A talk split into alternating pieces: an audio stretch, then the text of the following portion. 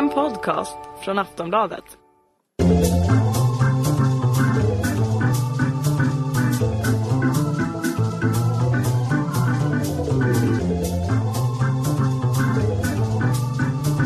We don't need no education.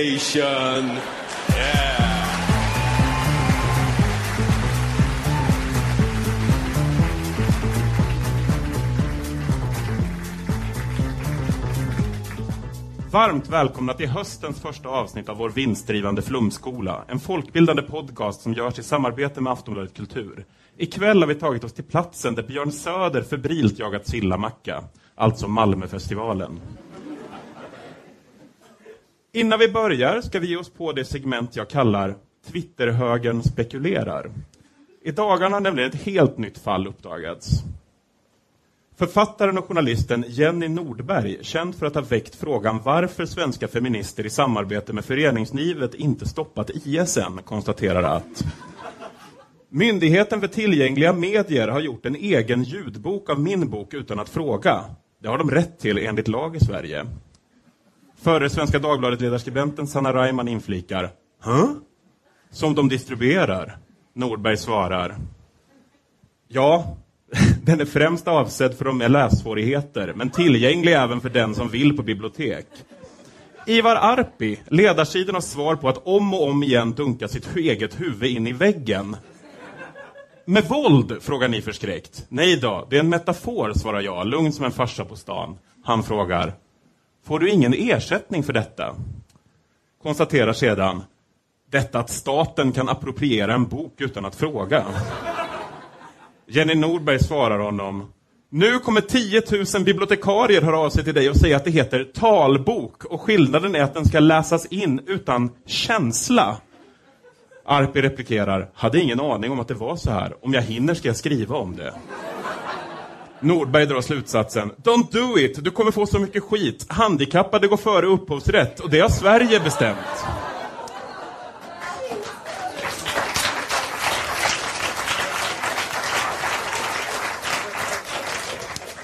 Det är en gammal sanning det här att där man syntolkar böcker, där syntolkar man snart också människor. Det som har hänt här är alltså att våra högerskribenter helt missat att det de pratar om är statligt producerade talböcker, inte ljudböcker som förlag producerar. Talboken finns för att göra all litteratur tillgänglig för alla, ett hedervärt demokratiprojekt som inte bryter mot upphovsrätten då den är ett undantag. Det ses som en mänsklig rättighet att ha tillgång till böcker. Författaren får ersättning och alla har inte tillträde till dem. Tro mig. Jag är programledare för Flumskolan. Jag borde veta. Om någon försökt slippa läsa böcker genom att komma åt talböcker av högertomtar, då är det jag. En ljudbok läses in av till exempel Pernilla August eller av en författare som kan läsa teatraliskt eller med löjlig röst. Talboken är däremot en knastertorr uppläsning, även gjord för att kunna spelas i olika hastigheter så den kan anpassas för den som lyssnar. Så här låter till exempel en bok av Magnus Härenstam. Ett yreväder från Härnösand. Barnflicka sökes medan pappa och mamma jobbar med film och tv, löd annonsen. Inte så diskret kanske. Vi anade att den skulle dra till sig en del gold diggers. Men också de riktigt duktiga tjejerna. Inte jättesexig va? Att rasa mot talböcker är alltså som om en arkitekt av ett bibliotek skulle rasa när de sätter in en hiss eller rulltrappor. Till er högertomtar vill jag bara säga, detta är inte ett tecken på att vi lever i en diktatur. Sovjet var inte först och främst känt för att de tvångssyntolkade böcker. Lämna våra bibliotek i fred med ert liberala trams.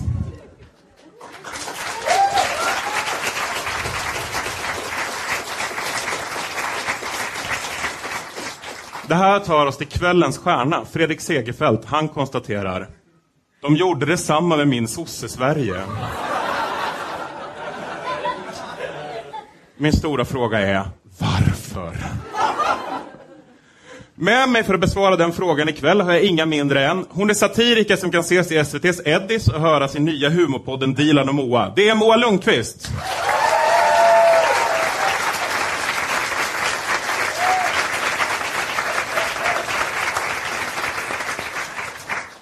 Han är Aftonbladets skribenten och författaren som är så tuff att Jimmy Åkesson var hans kamratstödjare. Välkomna, ja, Patrik Lundberg.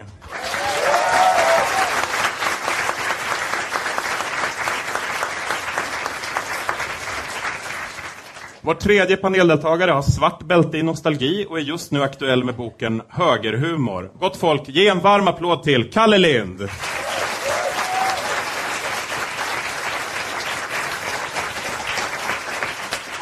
Och den som står över panelen, redo att smälla till med linjalen, det är som vanligt jag, Johannes Klenell.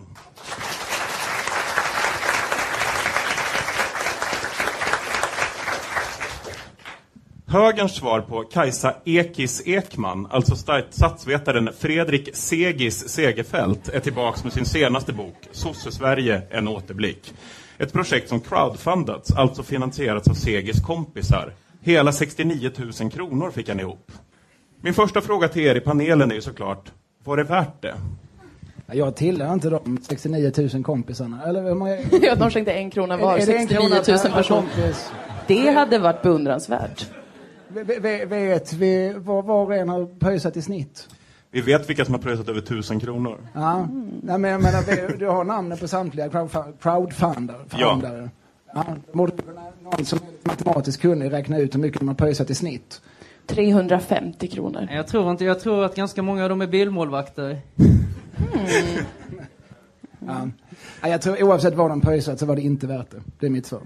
Hur mycket kostar det att göra? Jag undrar hur mycket av de pengarna, för jag själv är ute lite efter crowdfunding och jag skulle vilja veta liksom 60, 60, hur mycket var det? 64 000 kronor. Hur mycket kan han fått ut? Där får jag ta med honom sen. Det här är bara min privata. Vill du Liksom. att jag berättar det här? Ja, nej, men jag skulle vilja veta. Om jag själv skulle skriva 170 sidor om, låt säga, ja, eh, min barndom och hur jag upplevde sosse-Sverige själv, till exempel, när jag var ett litet barn. Hur mycket pengar kan jag få? Det är en fråga som jag skulle vilja ha svar på ganska snabbt egentligen, för jag behöver pengarna. Så att det är eh, en fråga bara. Vi kan ta det sen, som sagt. Det är lugnt. Jag ska berätta det för dig, Moa. Tack Gud. Vi går på första citatet. Den här boken handlar om sosse-Sverige. Den handlar om varifrån arbetarrörelsen kommer, om deras självbild och hur den står i kontrast med verkligheten. Men innan jag dammar av alla gamla biografier över döda partiledare, partiprogrammen från det sena 1800-talet samt de långtråkiga offentliga utredningarna vill jag beskriva bakgrunden till denna bok. Bokens upprinnelse, dess syften och kanske dess främst dess ingångsvärden kan sammanfattas i tre punkter. Socialdemokraternas självgoda historieuppfattning, min vilja att kritisera snarare än att stödja samt insikten om att den unga borgerligheten knappt upplevt sosse-Sverige. Är Segerfält alltså bara ute efter hämnd med det här bokprojektet?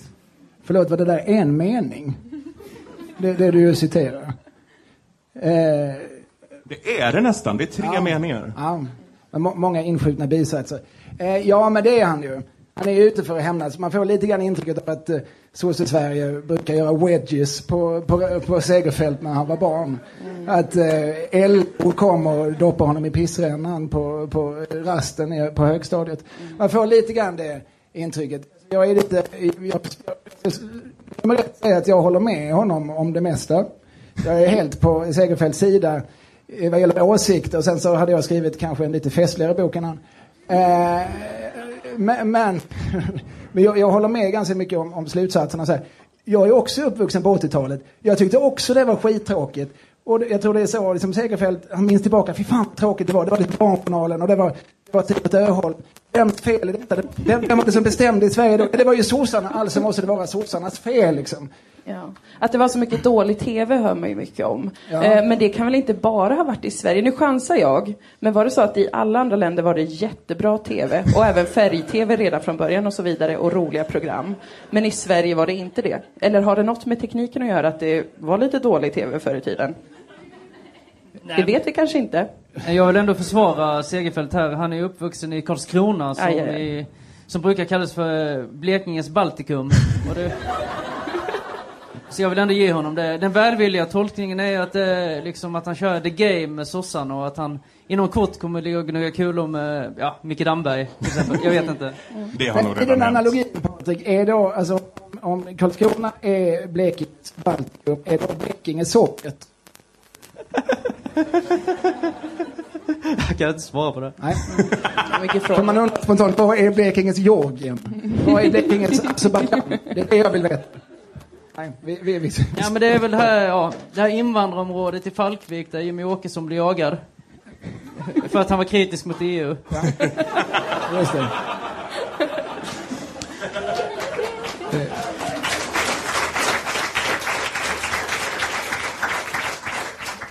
Man kan utgå från hashtaggen stuffmoderaterna did som 2011 skapade mycket uppmärksamhet på Twitter.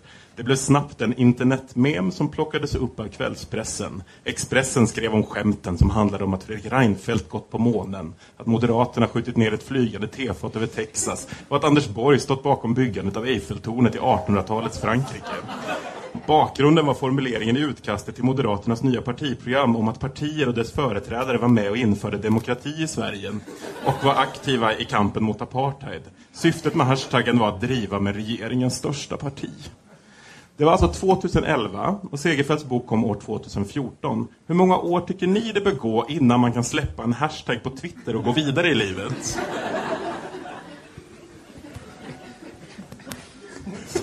Det är en sån fråga Johannes, jag kan inte, du har liksom redan svarat på den. Men, jag, jag, Ja, nej, men det är väl säga- individuellt får väl jag slänga in då. Ja, att eh, ibland så släpper man inte en hashtag på flera, flera år. Man sitter och tänker på den varje dag. Upp till fem, tio år, man kan inte sluta tänka på det. Vakna på natten, skriker. Den där gamla hashtaggen.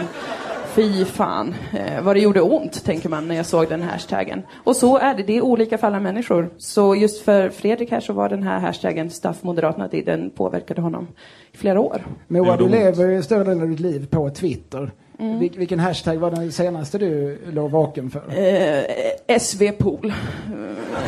såklart, givetvis. Givetvis. Det innebär inte att detta är en bok för liberalism, för något parti eller för borgerligheten. Istället är detta en bok mot arbetarrörelsen, det vill säga socialdemokratin och LO. Syftet är att konfrontativt att utmana en hegemoni, att peka på uppblåsthet. Vad tyckte ni om det här lilla utspelet? Det känns typiskt killar skulle jag vilja säga. Det här, eh, eh, nej men att man, ska, att man har ett projekt där man ska lyckas vara helt objektiv och stå över allting och inte komma någonstans ifrån. Och man ska lyckas säga någonting som bara är sant och som är en analys och man har upptäckt någonting. Men det har ingenting att göra med en själv eller ens ideologi eller sådär. Det är bara sanningen. Och det känns typiskt killar. Och jag håller på med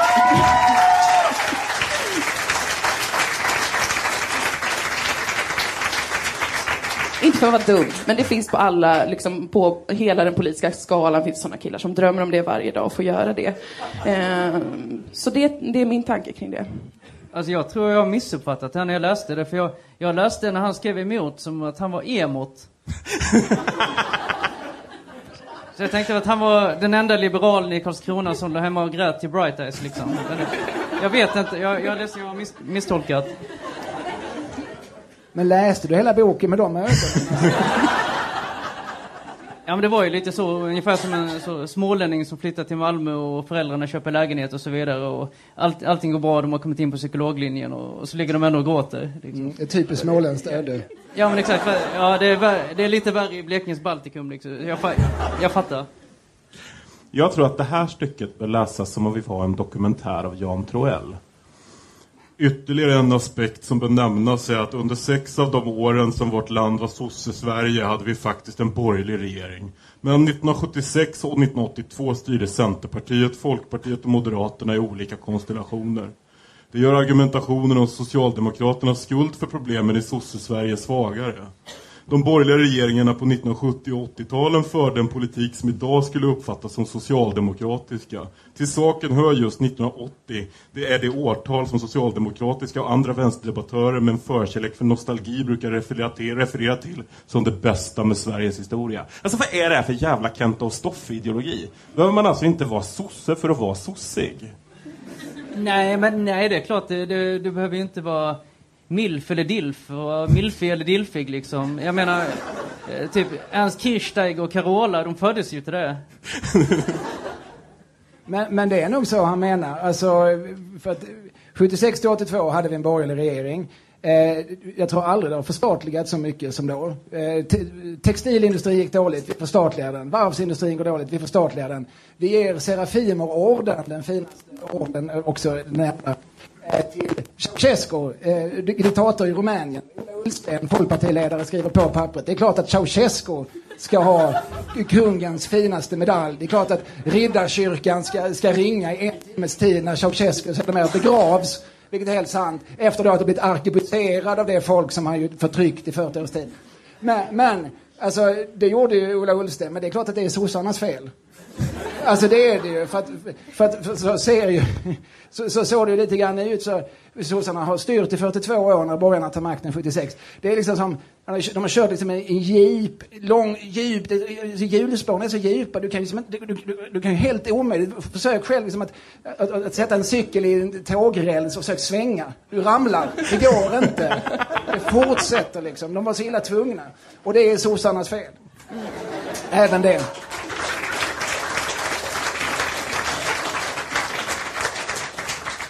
Den tredje utgångspunkten för boken är följande.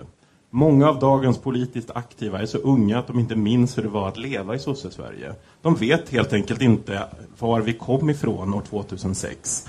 För att inte tala om hur det var ännu längre tillbaka i historien. Det är en tankeställare för en medelålders man som jag.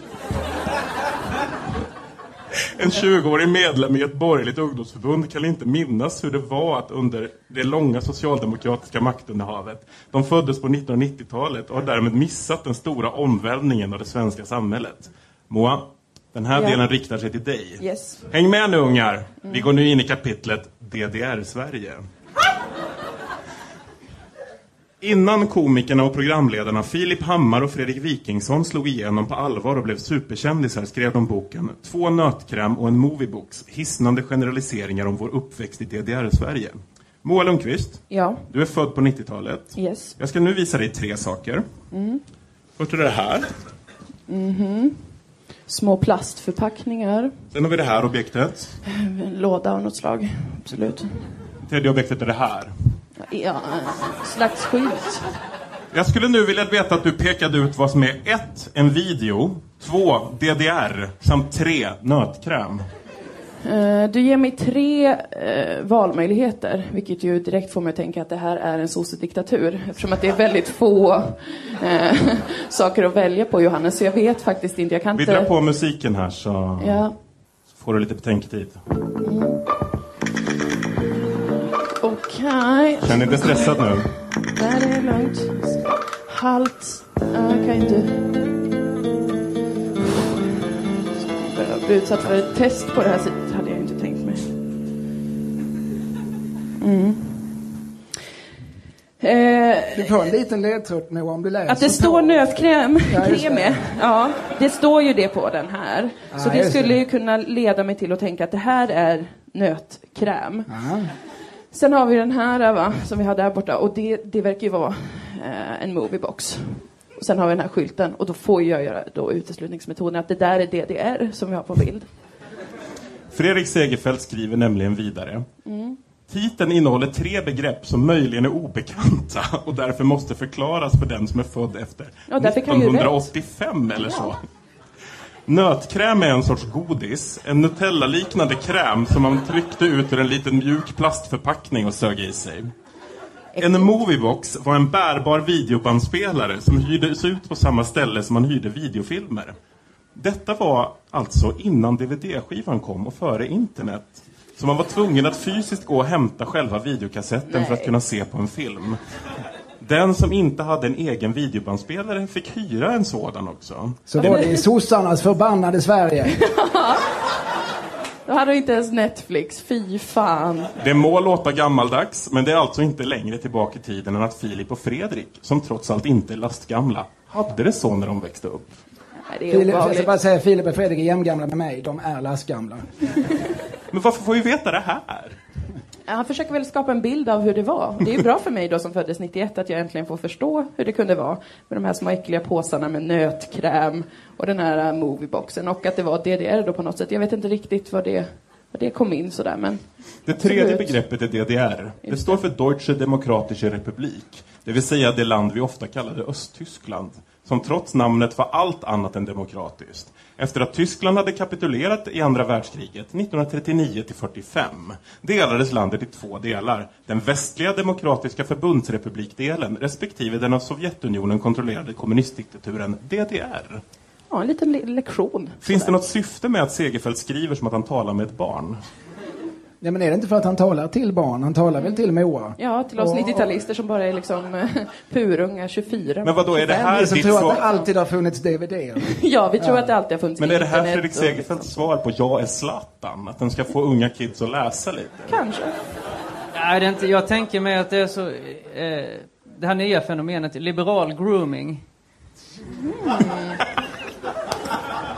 Utveckla. Ja, jag vet, är det som den här, ja, förr i tiden var det ju så eh, gubben med godispåsen och nu är det, nu är det, nu är det sosse-Sverige. Så när någon hör av dig till dig på Lunar Storm Så jag akta mig. och vill prata om DDR-Sverige, då vet du vad det är som pågår. Men, men antyder du just Patrik att Fredrik Segerfeldt har skrivit den här boken för att kunna ligga med minderåriga? är, är det så det ska tolkas? Förtal. För det skulle jag säga är ett grovt, en grov insinuation. Ja, jag vet, jag, jag kan inte svara på det men själv, jag är så ung så att jag nästan är en kvinna. Så jag, Det- Okej. Jag tar det som ett svar. Begreppet DDR-Sverige brukar från vänsterhåll betraktas som något rättshaveristiskt och foliehattaktigt. Som något borgare tar till när de inte kan acceptera att de förlorar val på val. Jag vill ur det perspektivet vara noga med att påpeka att DDR-referensen inte på något sätt antyder att Sveriges politiska eller ekonomiska system var av samma sort som det östtyska. Sverige var aldrig någon planekonomisk diktatur. Inte minst ur ett människorättsperspektiv är det oförsvarbart att på allvar likställa en, å ena sidan en parlamentarisk demokrati med en hyfsad respekt för mänskliga fri- och rättigheter. Å andra sidan finns sidan en förtryckarstat med traggtråd och gevär riktade mot den egna befolkningen. Det är därför det finns citattecken kring rubriken ovan. Men på flera olika sätt fanns det likheter mellan det liv som östtyskarna levde och livet i Sverige. Inte minst jämfört med hur det är idag. Ja, tänk då bara medeltiden, vilket DDR-Sverige det var. Hade jord, stampade golv, fy fan. Usch. Man får ändå ge Segerfeldt att det här med subtiliteter, liknelser eller metaforer, det är ingenting han sysslar med i alla fall, va? Han jobbar lite med insinuationer. Men, men eh, lite poäng har han väl det där Sverige. Det var ju med. Jag minns ju när mor och far tvingades ut i kollektivjordbruken. Och när min morbror skickades upp till Piteå för att tvångsarbeta i något arbetsläger. Och så. Jag har ju tydliga minnen. Om detta må vi berätta, jag, jag och Segerfeldt.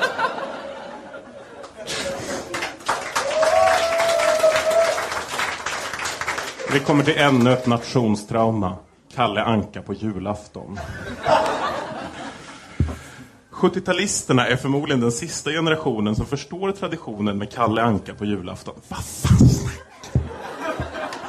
Hur kommer det sig att stora delar av svenska folket den 24 december klockan tre på eftermiddagen bänkar sig framför statstelevisionen för att se korta snuttar ur Walt Disneys repertoar från mitten av 1900-talet? Paolo Roberto, tv-kändis med mera, har sagt att Kalle Anka härrör från ett Sverige när Sverige var en kommunistdiktatur som visade tecknat en gång om året. Mina barn leker på julafton istället. Det är lite slängigt uttryckt. Sverige var inte någon diktatur. Som sagt, liknelser. Inte hans grej, va? Jag håller med om att det är weird med Kalle Anka på julafton. Där, här är jag helt med Segerfeldt. Stäng av det. Då blir det ju ramaskri tydligen. Men jag tycker också att det känns konstigt och oklart varför vi kollar på Kalle Anka. Främst för att det är så dåliga, dåliga, tråkiga serier. Om det hade varit bra Till tecknat. skillnad från allt det annat på, på tv. Men Ja, ja men precis. Det kanske hade kunnat vara den här nya, jag kommer inte ihåg vad de heter. Det kanske hade kunnat vara något bra tecknat för en gångs skull. Det här jävla Kalle Anka. Så jag, jag, jag blir också upprörd när jag ser det. Men av den anledningen att det är så satans jävla tråkigt. Varenda jul. Men är det verkligen så att Kalle Anka var förbjuden på tv i Sverige fram till den borgerliga valsegern 1991? Det kan inte jag svara på. För jag var inte Ja, men där har han lite grann en poäng. Alltså det visades ju mycket, mycket mer animerad film än vad, vad, vad många av oss vill komma ihåg. Men det var ju ofta film från kanske Jugoslavien och Tjeckoslovakien och Alltså Balt, professor Baltas från Jugoslavien, Druten och Jena från Sovjet och så här. John Blund från DDR. Eh, Det visades en massa animerad film, men människorna som styrde över barn-tv-utbudet, de var motståndare till Disney. Men De var Disney-dags med, med Lasse Åberg, alltså en eftergift till Ja, men det, den kommer väl typ 84. Då är väl Segerfeldt ändå 14 bast. Då, Så då har han inga behov av det längre? Nej, men jag menar, hans barndom var ju ändå relativt eh, befriad från kalan, rörlig kalanka. Det får man ju ändå ge honom. Slog man så, på- så jag menar, det, är- det är ju trauma. Det, det finns ju barn som har haft det värre, ska jag säga. Det, fin, det finns ju värre saker man kan utsätta barn för än att inte visa kalanka för. Jag, jag känner till exempel, men, men, men han har en poäng. Slog man på tvn den första maj i början på 1960-talet var direktsändningen av det socialdemokratiska firandet av arbetarrörelsens dag det enda som fanns att se. På samma sätt var ABBA, som idag är unisont hyllade som Sveriges mest framgångsrika musik under 1900-talet, allmänt föraktade eftersom de var så ytliga och kommersiella. Melodifestivalen gick visserligen på TV, men samtidigt arrangerades det motfestival på Gärdet i Stockholm, där endast icke-kommersiell musik spelades i protest mot det ytliga spektaklet på TV.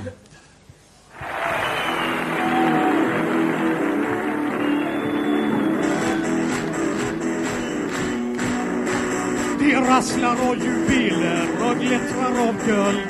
De sjunger om den spanska solen. Men garrotteringar och mord, det skiter de i.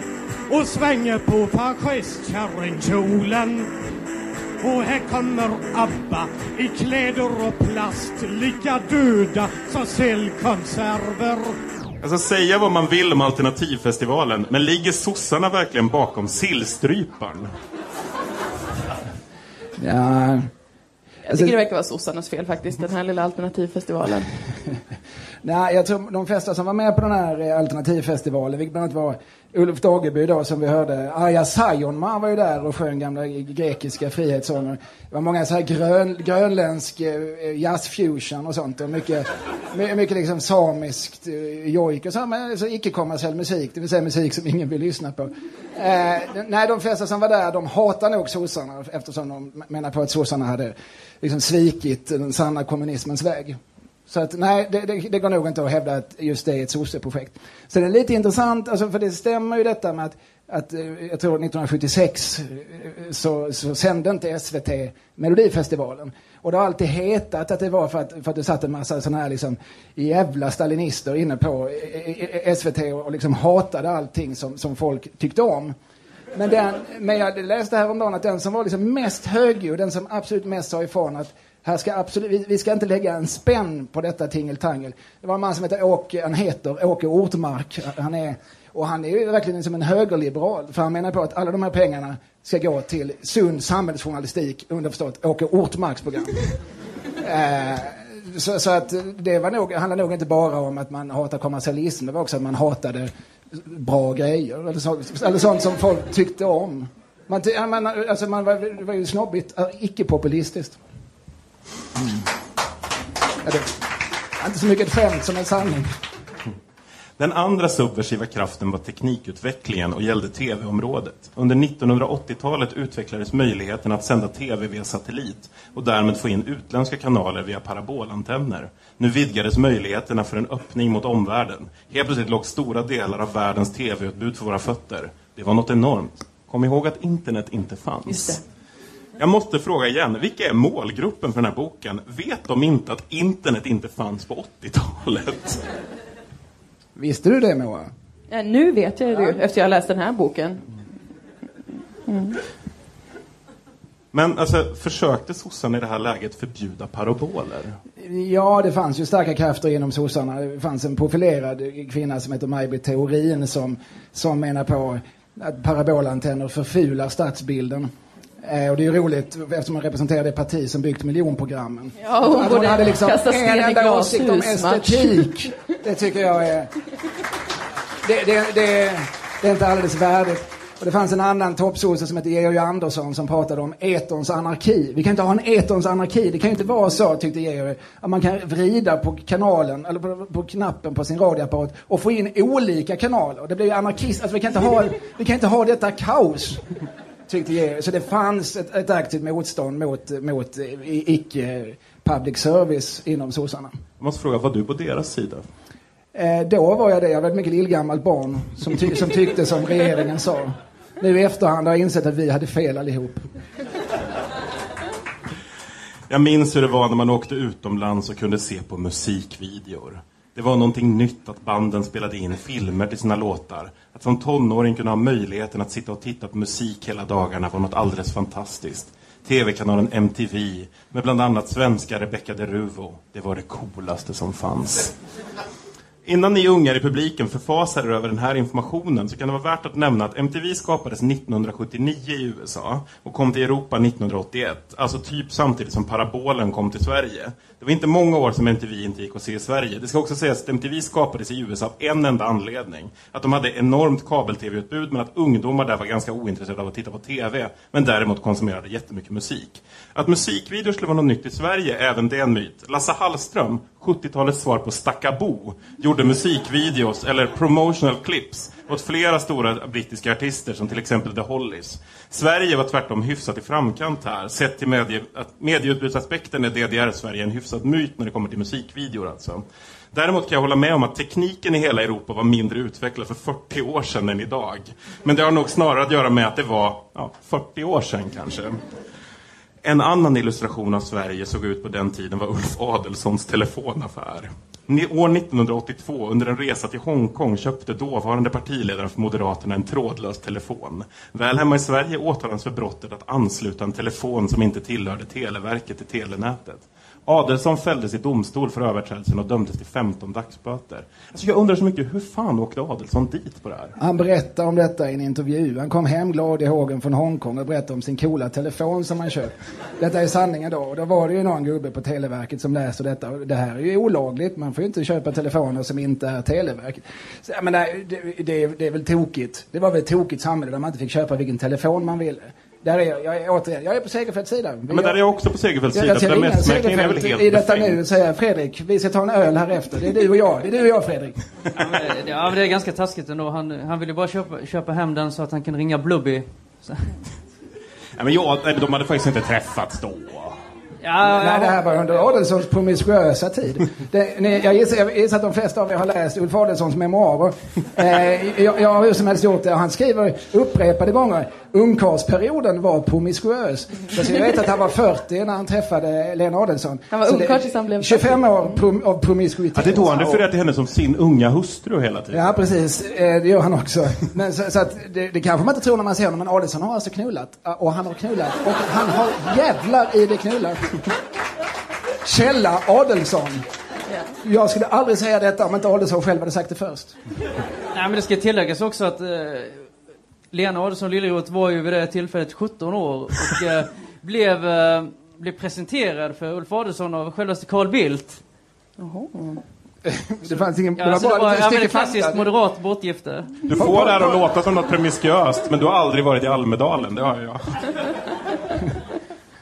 Patrik jobbar lite grann som jag nu. Det var inget skämt. Det var bara ett stycke liksom, tråkig information om gamla farbröder. Det är bra Patrik. Du börjar liksom fatta. Det är så här vi jobbar. Hey, I'm Ryan Reynolds. At Mint Mobile, we like to do the opposite of what Big Wireless does. They charge you a lot, we charge you a little. So naturally, when they announced they'd be raising their prices due to inflation, we decided to deflate our prices due to not hating you. That's right. We're cutting the price of Mint Unlimited from $30 a month to just $15 a month. Give it a try at mintmobile.com slash switch. $45 upfront for three months plus taxes and fees. Promo rate for new customers for limited time. Unlimited more than 40 gigabytes per month. Slows. Full terms at mintmobile.com. Året var 1988. Kön utanför den nyöppnade McDonalds-restaurangen ringlade flera hundra meter. Polisen var tvungen att hålla ordning på de oroliga massorna när tusentals nyfikna personer ville se denna yttersta symbol för USA och kapitalismen och få möjlighet att köpa sig en hamburgare. Det var något man bara hört talas om eller sett på TV. Några få hade kanske ätit på någon av kedjans restauranger utomlands. Den första dagen serverades 6000 personer, vilket var nytt Europarekord. Under lång tid var det lite hippt att och innan att gå på McDonalds. Inte minst för att visa upp sig. Det var ett högstatusställe.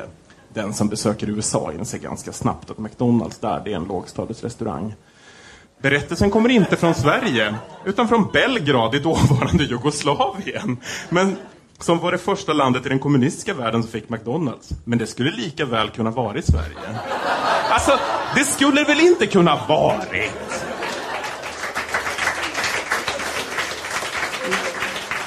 Ja, men det skulle du ändå. Jag tror första McDonalds-restaurangen öppnade i Sverige 73 och det var ju lika långa köer till den, säger myten. Men vad har Segerfeldt emot staten Sibylla? blev ju så upprörd, nu avbryter jag dig, men staten blev så, så stressad av detta att de ju startade Klock. Alltså hamburgerkedjan Klock var ju statligt ägd och driv, driven.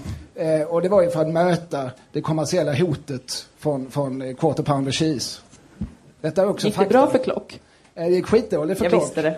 Ja. Ja, men det var ju också så att eh, Fredrik Segerfeldt som sagt växte upp i Karlskrona och hade även adresser i Mörrum och i Olofström under den perioden. Och, eh, Alltså Blekinges, eh, eh, i, i, vad blev det, Tadzjikistan respektive Vitryssland. Murmansk. Ja, men det var ju lite så. Jag vet ju att Sibylla i Karlskrona, jag åkte faktiskt tåg till Karlskrona igår bara för att kolla upp det här. Men det har ju outsourcats nu eh, och eh, drivs av Harris. Och i Olofström så heter det ju Taxigrillen och då kunde inte han veta att det var Sibylla och i Mörrum, det, det är inte gott det alltså. Så han hade det tufft ändå, man kan inte anklaga honom för att veta vad Sibylla var. Men sa inte han i början att vi skulle hålla oss borta från öststatsliknelserna? Vad hände här? Han känner ju ganska mycket Fredrik, verkar det som. Alltså generellt, vilket kan vara en väldigt bra sak. Men om man vill göra anspråk på att ha den här lite eh, objektiva analysen och göra en överblick, eller en återblick som det här är, så kan ju de känslorna komma in lite sådär. Och då är det svårt att inte göra en liknelse kanske med Jugoslavien eller något annat. Det blir, eh, det blir omöjligt. Det finns lite indignation i botten. Han är inte bara Ja, det- sådär nej, liksom precis. svalt tillbakalutad liberal som han vill framstå som. Det, det kommer liksom lite motvilliga känslor då. Ja, det sticker till ibland. Det bränner till. Enda gången är som jag har sett Segerfeldt i verkligheten var under en Flumskolan-inspelning när vi läste Ayn Rands eh, Och jorden skälvde. Mm. Och Då sitter hela Timbroklicken i, i publiken. Och så jag sitter och tittar rakt in i Segerfeldt under hela avsnittet när jag och Liv Strömquist och Johan Hilton pratar igenom den här boken. Och jag ser hur Segerfeldt blir rödare och rödare och rödare och rödare i ansiktet. Efteråt hör deras kulturpolitiska talesperson av sig och tycker att det var en obalanserad panel som satt där uppe.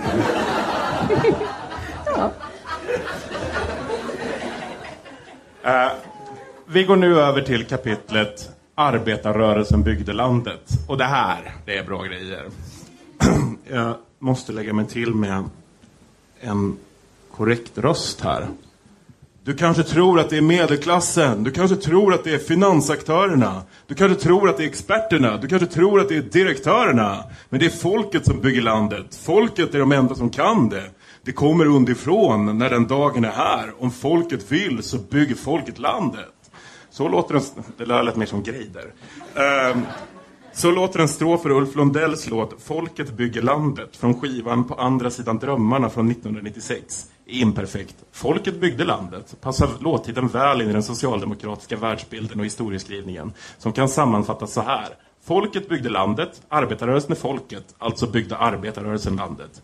Jag kommer återkomma till en rad invändningar mot resonemanget. Först vill jag dock återge några andra strofer ur Ulf Lundells låt. Du kanske tror att det är Persson, du kanske tror att det är LO, men det är folket som bygger landet. Ulf Lundell gör alltså en viktig markering. En åtskillnad mellan folket och de som säger sig företräda det. Det vill säga dåvarande socialdemokratiska partiledaren och statsministern Göran Persson samt LO. Arbetarrörelsens eliter är inte folket. Uffe sjunger ju även så här i en annan låt.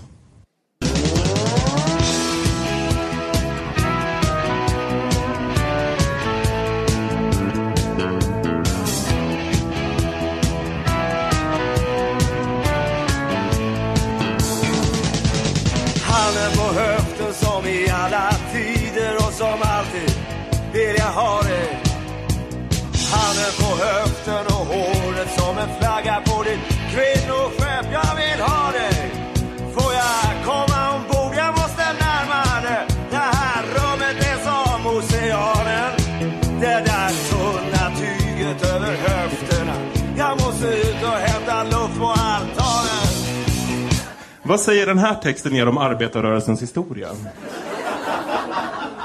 Det kanske är någon slags feministiskt ställningstagande. Att det liksom är, kvinnor får eh, ha ett tunt tyg om de vill och vara kvinnoskepp. Det kan man ju tolka det så, om man vill göra det. Jag blir lite brydd av den här Jag har inte hört den här liknelsen förut. Får jag komma ombord? Det... Jag, jag tänker att det måste vara så eh, Timo Räisänen jobbade när han var så andra matro- matros och Torken Hellström på efterfesterna. Liksom. Men hur rimlig bevisföring är en låt av Ulf Lundell? Mannen som har skrivit texten Kvinnor, en gammal skolfröken skrev långa brev till dottern. Nu skulle hon väl komma på driven och börja med hor. Kvinnor, en kvinna vet alltid allt om en man. En man kan aldrig förstå hur det är att vara kvinna. Ge dig in i samlingsspel med en kvinna och du vet en sak. Du kan aldrig vinna. Kvinnor, kvinnor, kvinnor, kvinnor. Jag menar, det är ganska konstaterat vad han vet om kvinnor här. Men han framstår inte direkt som en statsvetare. Ja, eller det låter ju uppenbarligen som att man har tagit en så, heterofil kand.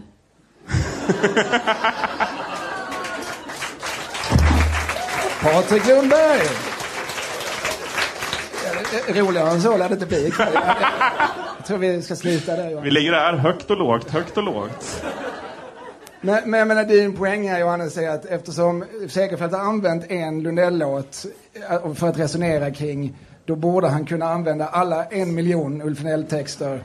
Eh, Så inte du själv säger att det här är lite oärlig argumentering från ditt håll? Vi, om vi är överens om att Tycker Seger- du att den här boken är så ärlig så den förtjänar att bemötas med det? Ja, som sagt, jag är ju på Seger- Se- Segers sida. Men varför tror ni det är så viktigt för Segerfeldt att knöka in lite Uffe här? Ja, men för, ja, det är ju intressant. Om man nu vill prata med kids så är ju kanske inte Lundell den, den, den, den hippaste referensen. Men det är kanske för att han också vill prata med eh, de som lyssnar på Uffe. Vilka de nu är. Alltså mina svärföräldrar. Alltså han vill prata med kids och mina svärföräldrar. Det, Han riktar sig till en bred publik. Han hänvisar ju också ganska ofta eh, till sina andra böcker. Ibland när man kollar källa så är det Segerfält 2013 kanske, eller så. Ehm, så, ja, jag vet inte. så ambitiösa Patrik har varit ute på tåg och kollat fotnoter. Ja.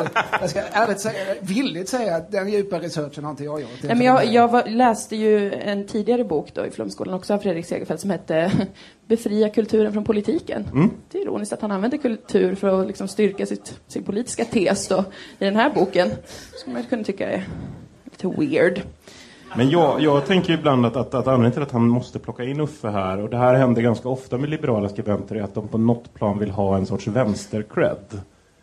Att det är så här, de vill visa att de är lite, lite skitiga i kanten ändå. Liksom. Att de, de är lika mycket indie-pop som de är punk. Som de, är. De, liksom, de bränner, alltså, Reinfeldt bränner av staten och kapitalet för att visa att han är lite häftig. Och det skulle ju faktiskt bara en frånskild far, liksom så här, farsa på en studentskiva göra. Nej, men jag har en konspirationsteori där och det är ju att de, de här eh, liberala männen som vill ha vänsterkred, de eh, frodas i Blekinge, i Karlskrona. Vi har ju Fredrik Segerfeldt som är därifrån, vi har Mattias Svensson som jobbar på Neo och vi har Jens Liljestrand på Expressen. Och jag menar, på 90-talet spelade ju till och med Richard Jomshoff i Elegant Machinery. Det var ju syntpop liksom, så ni fattar hur långt det har gått.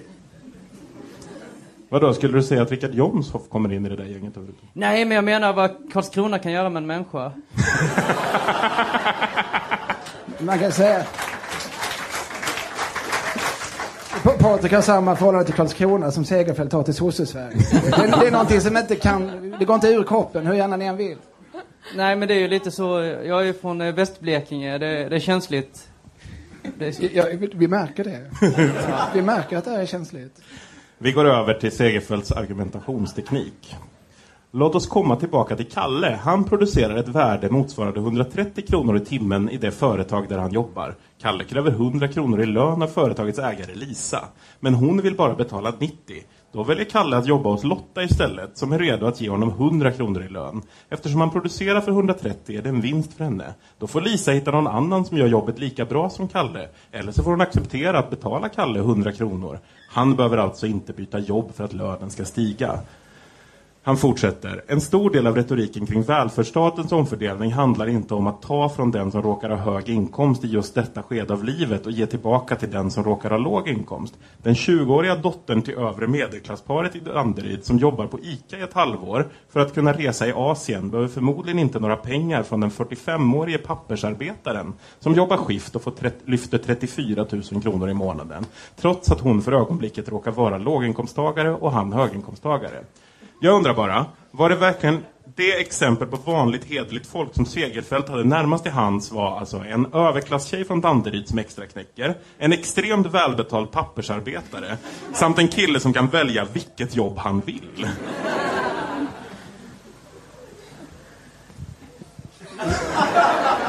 Jag, jag förstod inte riktigt vad det var som Jag hängde hände. inte med faktiskt. Du tappade mig vid Kalle någonstans. Ja, vem var det? Vem? Vad är hans story? Jag fattar Det var ingenting. ja, precis. Jag vill veta mer om Kalle. Varför? Var, det var något med äpplen och tåg. Och varför hade han två eh, olika chefer som båda var kvinnor? Det är helt osannolikt. Herregud. Det var ju bara ett exempel. Det var ett, det var ett räkneexempel. Jag tror ett räkneexempel. ja. År 1849 var den brittiska snittinkomsten två och en halv gånger så hög som den svenska. Vi hade inte fått någon standardhöjning på tre sekel utan levde på, på ungefär samma sätt som man gjort på Gustav Vasas tid. Men helt plötsligt började folk vid denna period att få det uthålligt bättre för första gången i landets historia. Som tidigare påpekats är det naturligtvis sant att det var folket och inte arbetarrörelsen som byggde landet. Alltså det är bara Ulf Lundell som har sagt det här. Under andra världskriget och fram till Sovjetkommunismens kollaps i början av 1990-talet bestod världen av två läger. Lyssna nu Moa. Ja.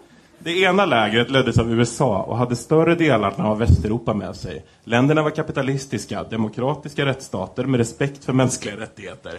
Det fanns allvarliga invändningar mot denna kortfattade beskrivningar som raslagade den amerikanska södern fram till mitten av 1960-talet och statens roll i exempelvis den franska ekonomin. Men det var dessa principer som gällde i allmänhet. Resultatet var frihet och välstånd. Det andra lägret styrdes av Sovjetunionen som efter andra världskriget hade sett till att med våld få med sig det som under kalla kriget kallades Östeuropa men som främst bestod av Centraleuropa i ett imperium som sträckte sig ända till Stilla havet. I dessa länder rådde kommunism, det vill säga diktatur med systematiska och grova kränkningar av mänskliga rättigheter som en integrerad del av systemet samt planekonomi. Resultatet var förtryck och fattigdom. Men han säger så här, inte ett jättesvårt val att göra. Rösta på väst direkt jag hörde det där. Det här borde sossarna fixa va? Mm. Sosse-Sverige kunde inte ta ställning mellan dessa två system. Vi tillhörde inte västvärlden utan befann oss någonstans mitt emellan. Mellan demokrati och diktatur. Mellan marknadsekonomi och planekonomi. Mellan mänskliga rättigheter och förtryck. Alltså, det går att säga jättemycket om sossar, men bröt de verkligen mot mänskliga rättigheter för att vi hade ett högt skattetryck och var lite sena med kabel-tv? Man fick ju faktiskt inte köpa telefon hur som helst. Men jag menar, nog fan tillhörde vi väl västvärlden? Alltså, det, på, på våra kort gör ju det. Alltså, om man tittar på en kinesisk karta ligger ju Kina i mitten. Då vet jag inte hur Sverige hamnar. Men, men, men, men å andra sidan, för det gör gör också hela Östeuropa jag hänger inte med. Det är svårt. Lappar in So- Sovjetunionen, Eurasiens Blekinge. Vi går vidare med skattetrycket och kulturpolitiken. En annan världskänd svensk kulturpersonlighet som drabbades av skattevansinnet i sosse-Sverige var regissören Ingmar Bergman. I januari 1976, mitt under repetitionerna på Dramaten i Stockholm, stövlade polisen in och arresterade honom för skattebrott. Som vore han en brottsling som hade tänkt fly. Bergman flyttade till Tyskland i protest. Hotade att aldrig återkomma till landet, men friades senare i domstol.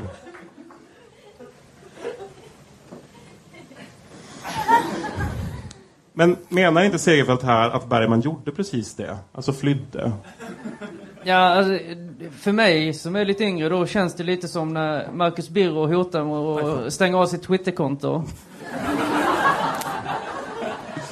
Ja, alltså jag gissar att alla har läst eh, Ingmar Bergmans memoarer.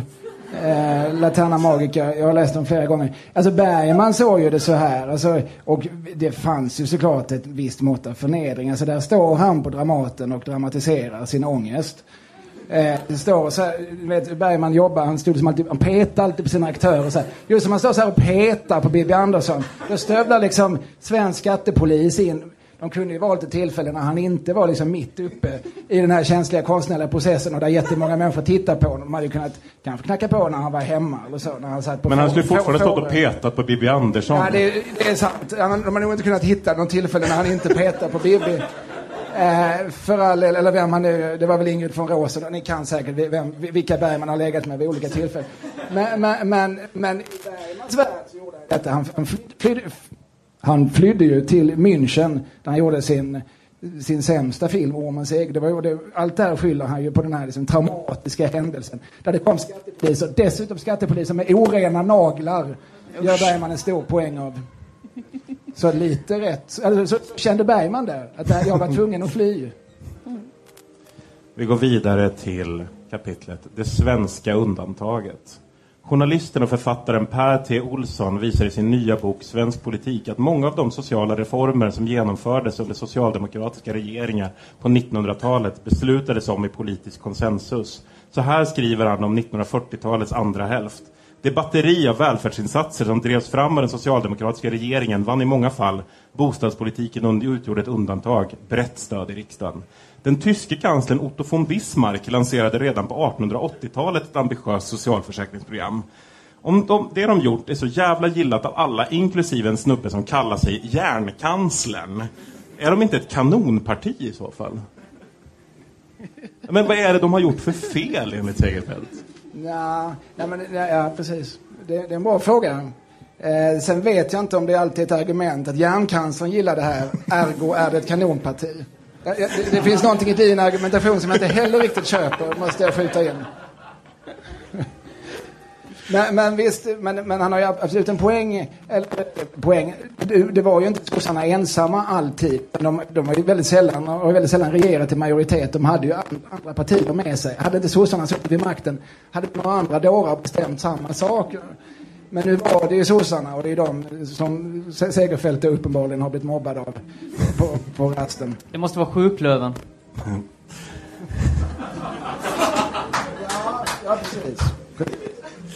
Det lustiga är att socialdemokrater ändå accepterar majoritetens vilja inte alltid att majoritetens vilja inte alltid kan få fullt genomslag. Det klassiska exemplet när två vargar och ett lamm röstar om vad man ska äta till middag.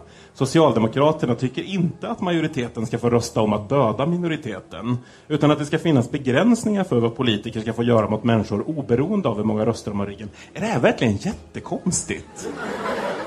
Jag tycker det stycket hade vunnit på att Segerfeldt läste igenom det innan han tryckte. Ja, ja, precis. Jag, jag, jag fattar, vad kom de där vargarna? Vad, Ja. vad betyder det? Är det ett klassiskt exempel? Jag, nej, jag förstod inte heller riktigt. Är det så att det är A. sossarna eller B. Segerfeldt som har den här bilden av Socialdemokraterna som ett totalitärt parti? Ja. Vi går vidare till kapitlet Partiets egen säkerhetspolis. Det här kommer du tycka om. Ja, ja, jag är så på. Jag. Sosse-Sverige var naturligtvis aldrig någon enpartistat i ordets egentliga bemärkelse. Vårt land var en demokrati och en rättsstat, om än med skavanker. Det fanns dock ett undantag där Sverige verkligen fungerade som en auktoritär stat. Det gällde den så kallade IB-affären. År 1974 dömdes Jan Guillou och kollegan Peter Bratt i fängelse. Bakgrunden var visserligen lovvärd. Det fanns i decennier kommunister i Sverige som strävade efter att avskaffa demokratin. Det är rätt av en demokrati att skydda sitt styrelseskick med polisiär underrättelseverksamhet. Men sådant ska ske inom ramen för rättsstaten och det ska finnas demokratisk kontroll av verksamheten. Så var inte fallet med IB. Förstår jag Segerfeldt rätt om jag läser det som att det alltså är rätt att åsiktsregistrera Lars Ohly, bara det görs av en tjänsteman snarare än folkvald? Eh, ja. ja, men det gör du nog. Det, det är nog korrekt. Ja, men eh, det, det är väl det Säpo ska syssla med. De ska... eh, Åsiktsregistrera Lars Ohly? De ska registrera människor med antidemokratisk agenda. Alltså människor som, som eh, till höger eller till vänster som, som planerar eller eventuellt kan tänkas göra en revolution.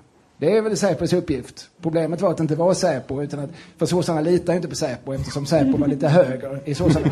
Så därför skapade de ett eget Säpo, alltså IB då så kallat, Eh, som bara de kände till. Och det, det tycker jag också är fel. Det tycker Jan Guillou också är fel. Särskilt eftersom han hamnar i fängelse efter ett avslöjande. Vi går till mitt andra favoritkapitel, Den motvillige europeen. Har du sett Lasse Åbergs film Sällskapsresan? Många har gjort det, eller kan i alla fall referera till olika episoder i den. Men det är inte så många som minns den huvudsakliga handlingen, nämligen att Åbergs rollfigur Stig-Helmer har övertalats att ta med sig ett paket till Gran Canaria. I paketet, som Stig-Helmer tror innehåller mat, finns mängder av sedlar som ska användas till att köpa ett hus. Han har alltså lurats till valutasmuggling. En sådan scen skulle verka främmande idag. Numera är det inga problem för en svensk att köpa ett hus i Spanien. 5 000 kronor ur landet. Och vi var inte ens... Äh, vänta. Men i Sosse-Sverige var man tvungen att få Riksbankens tillåtelse om man ville föra ut mer än 5 000 kronor ur landet. Och vi var inte med i dåvarande EG.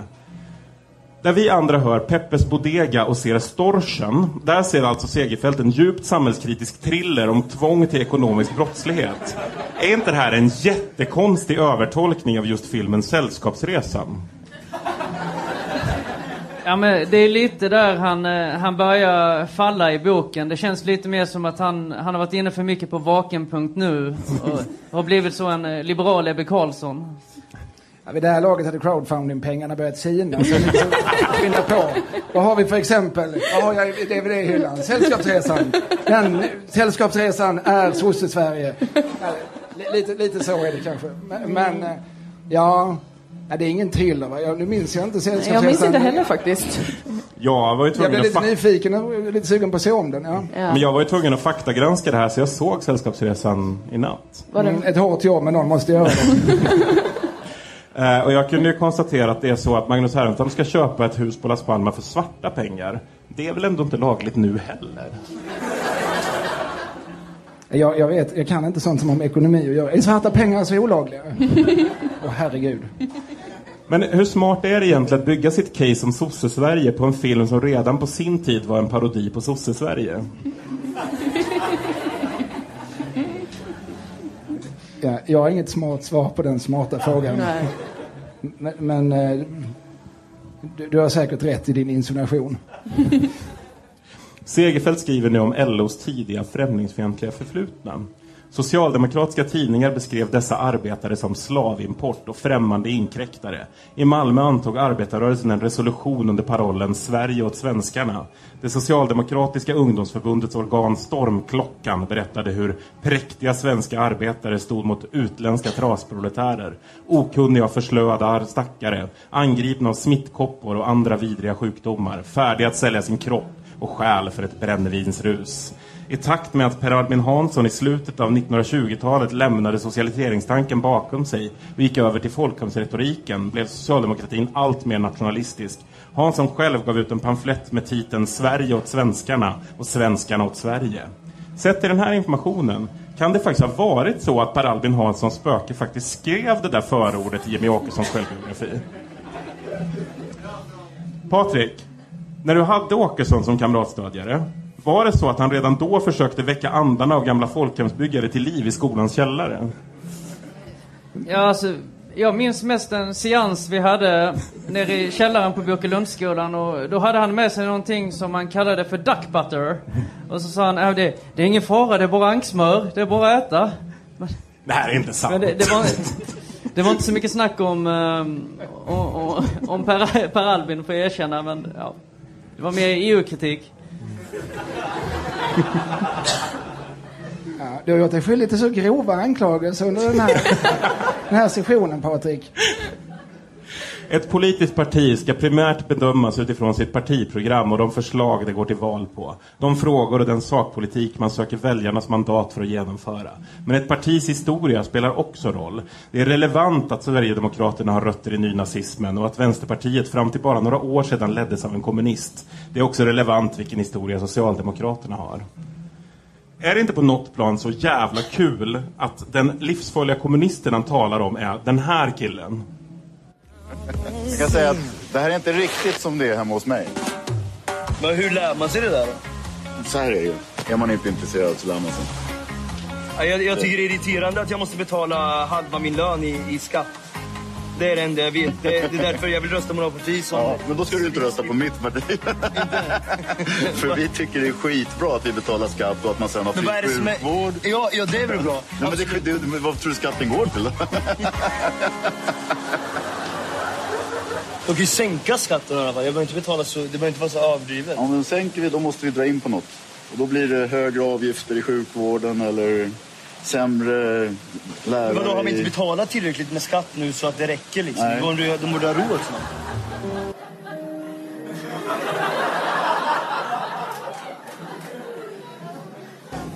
Ja, men är det inte på, på, på något plan så jävla kul att den där livsfarliga kommunisten han talar om är liksom det här glada 50-årskrisen på två ben.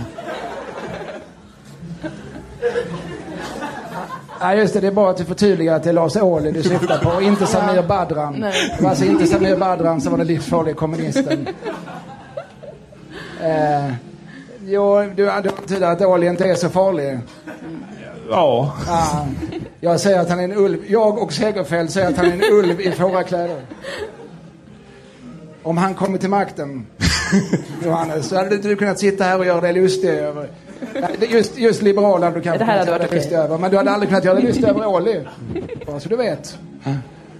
Jag är tacksam för den liberala demokratin som ger ger dig möjligheten att sitta här och, och skoja och håna folk som tycker annorlunda.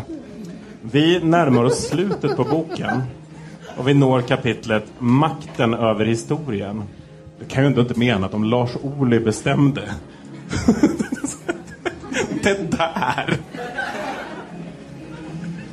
Om Lars Ohly hade bestämt i Sverige så jo, då hade det varit som, som ännu mer som i DDR. Makten över historien.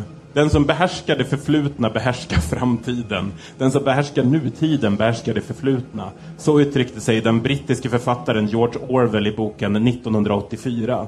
Arbetarrörelsen har insett vilken betydelse uppfattningen om det förflutna har för nuet och framtiden. Och makten. Såväl S som LO har varit mycket skickliga på att skriva historia och på att skriva om den. I syfte att bygga sin hegemoniska ställning har socialdemokratin lagt till, dragit ifrån och skruvat till. På en skala från 1 till 10 på klyschiga litterära referenser i politiska metaforer, hur många poäng ger ni Segerfeldt för jämförelsen mellan sossar och boken 1984?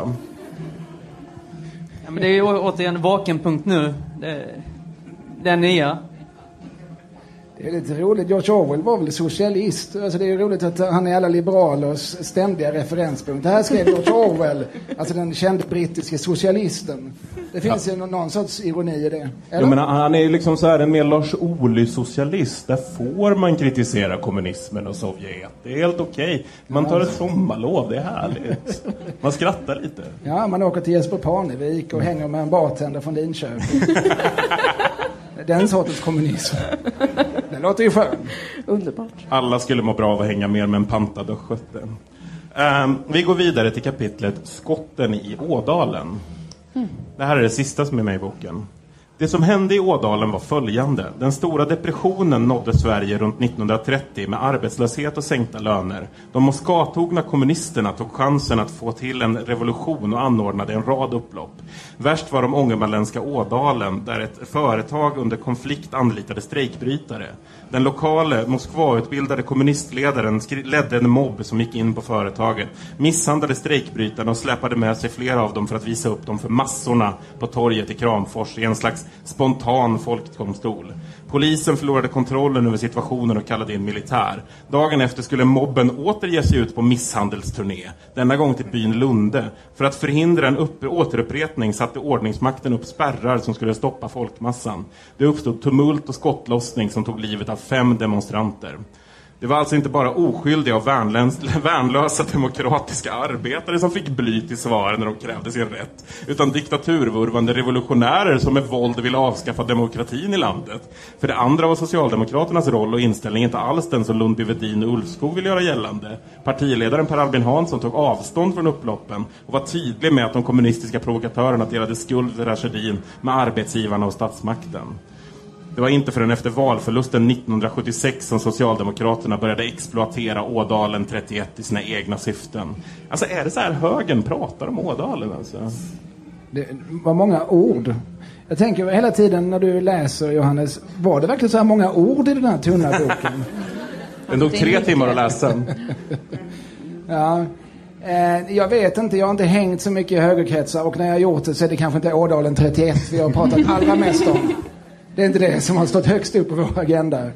Men eh, ja, alltså sanningen. Mm, det är få av oss som var med. Varken jag eller Segerfeldt var väl på plats i Lunde. Men det här är ändå en hy- Ej heller du Johannes Gunell. Nej, men det är ändå en Ej du. hyfsad spänstig historieskrivning. Tror du att jättemånga i Kramfors ställer upp på det här eller?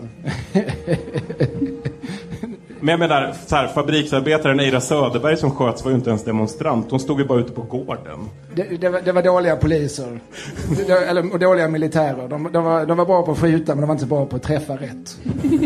Som 90-talist Moa, Det var väl köper du det här? sossarnas fel det också förmodligen. Nej, Jag, jag känner mig väldigt perplex här. Det är ju två helt olika berättelser, de här två berättelserna om Ådalen.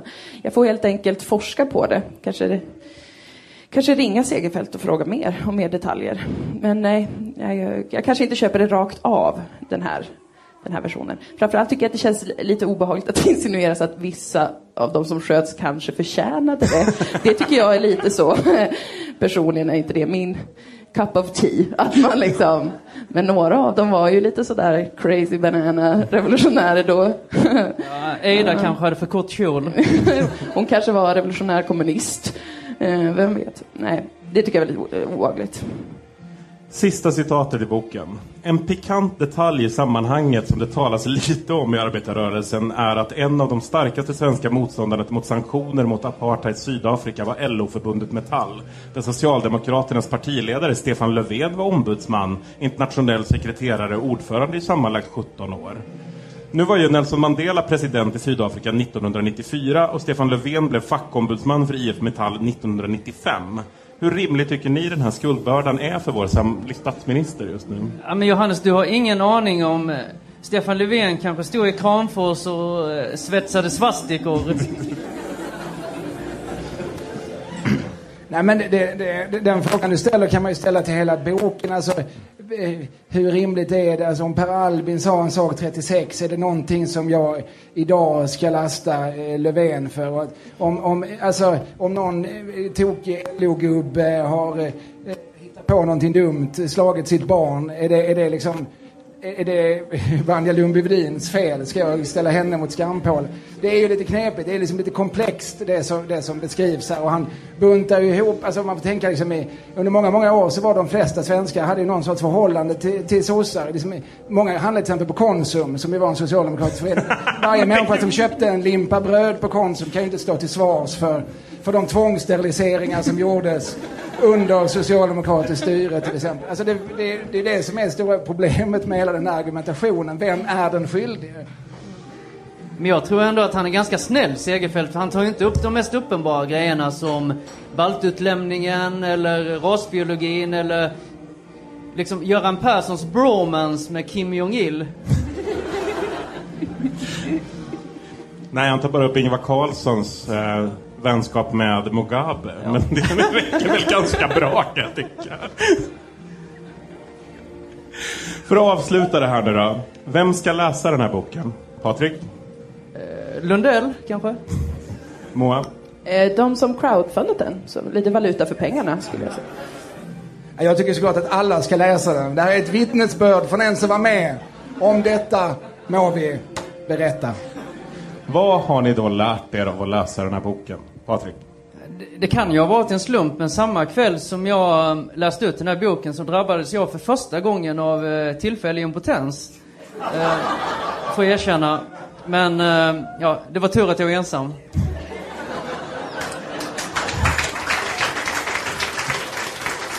Moa? Eh, Ja, jag har lärt mig både ett och annat om förr i tiden, hur det, hur det var, om det här med nötkräm och det får man väl säga att jag lärde mig eh, ordentligt. Vad det var, och en moviebox och det. Nej men det var lärorikt. Tack Fredrik, jag uppskattar det. Kalle? Samma kväll som jag läste den här boken fortsatt impotens att, sedan 20 år tillbaka att, att, att fortsätta att icke leverera. Jag har i alla fall lärt mig att det som är bra med en crowdfundad bok är att man vet vem målgruppen är. Därför har jag lärt mig att de som inte vet vad en nötkräm är, eller en moviebox, eller DDR, eller när internet kom, eh, eller ja, för den delen vilka diktatorer som sossarna hängde med. Det är Peter Adler, Ludwig Kreimertz, Eva Cooper, Kristin Hanefalk, Marcus Hansson, Ashna Ibrahim, Emma, Emma Ingenäs, Karl Jakobsson, Bosse Johansson, Magnus Karlsson, Johan Kallfelt, Ruben Linton, Elise Molin, Mattias Sjödin, Patrik Strömmer, Henrik Sundström, Henrik Taipale, Lars Törn, Magnus Thielert, Bo Wränghammar, Hans Åkerman och Patrik Öhman. Ni är nu förhoppningsvis smartare än en femteklassare och jag hoppas hoppas att ni därför har haft glädje av den här boken.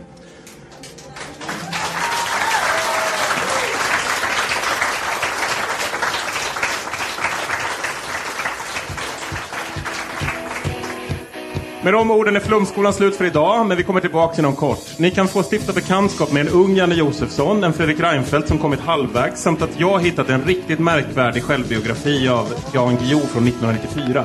Med de orden ber jag ge Patrik Lundberg, Kalle Lind och Moa Lundqvist en jättestor applåd. Flumskolan är slut för idag.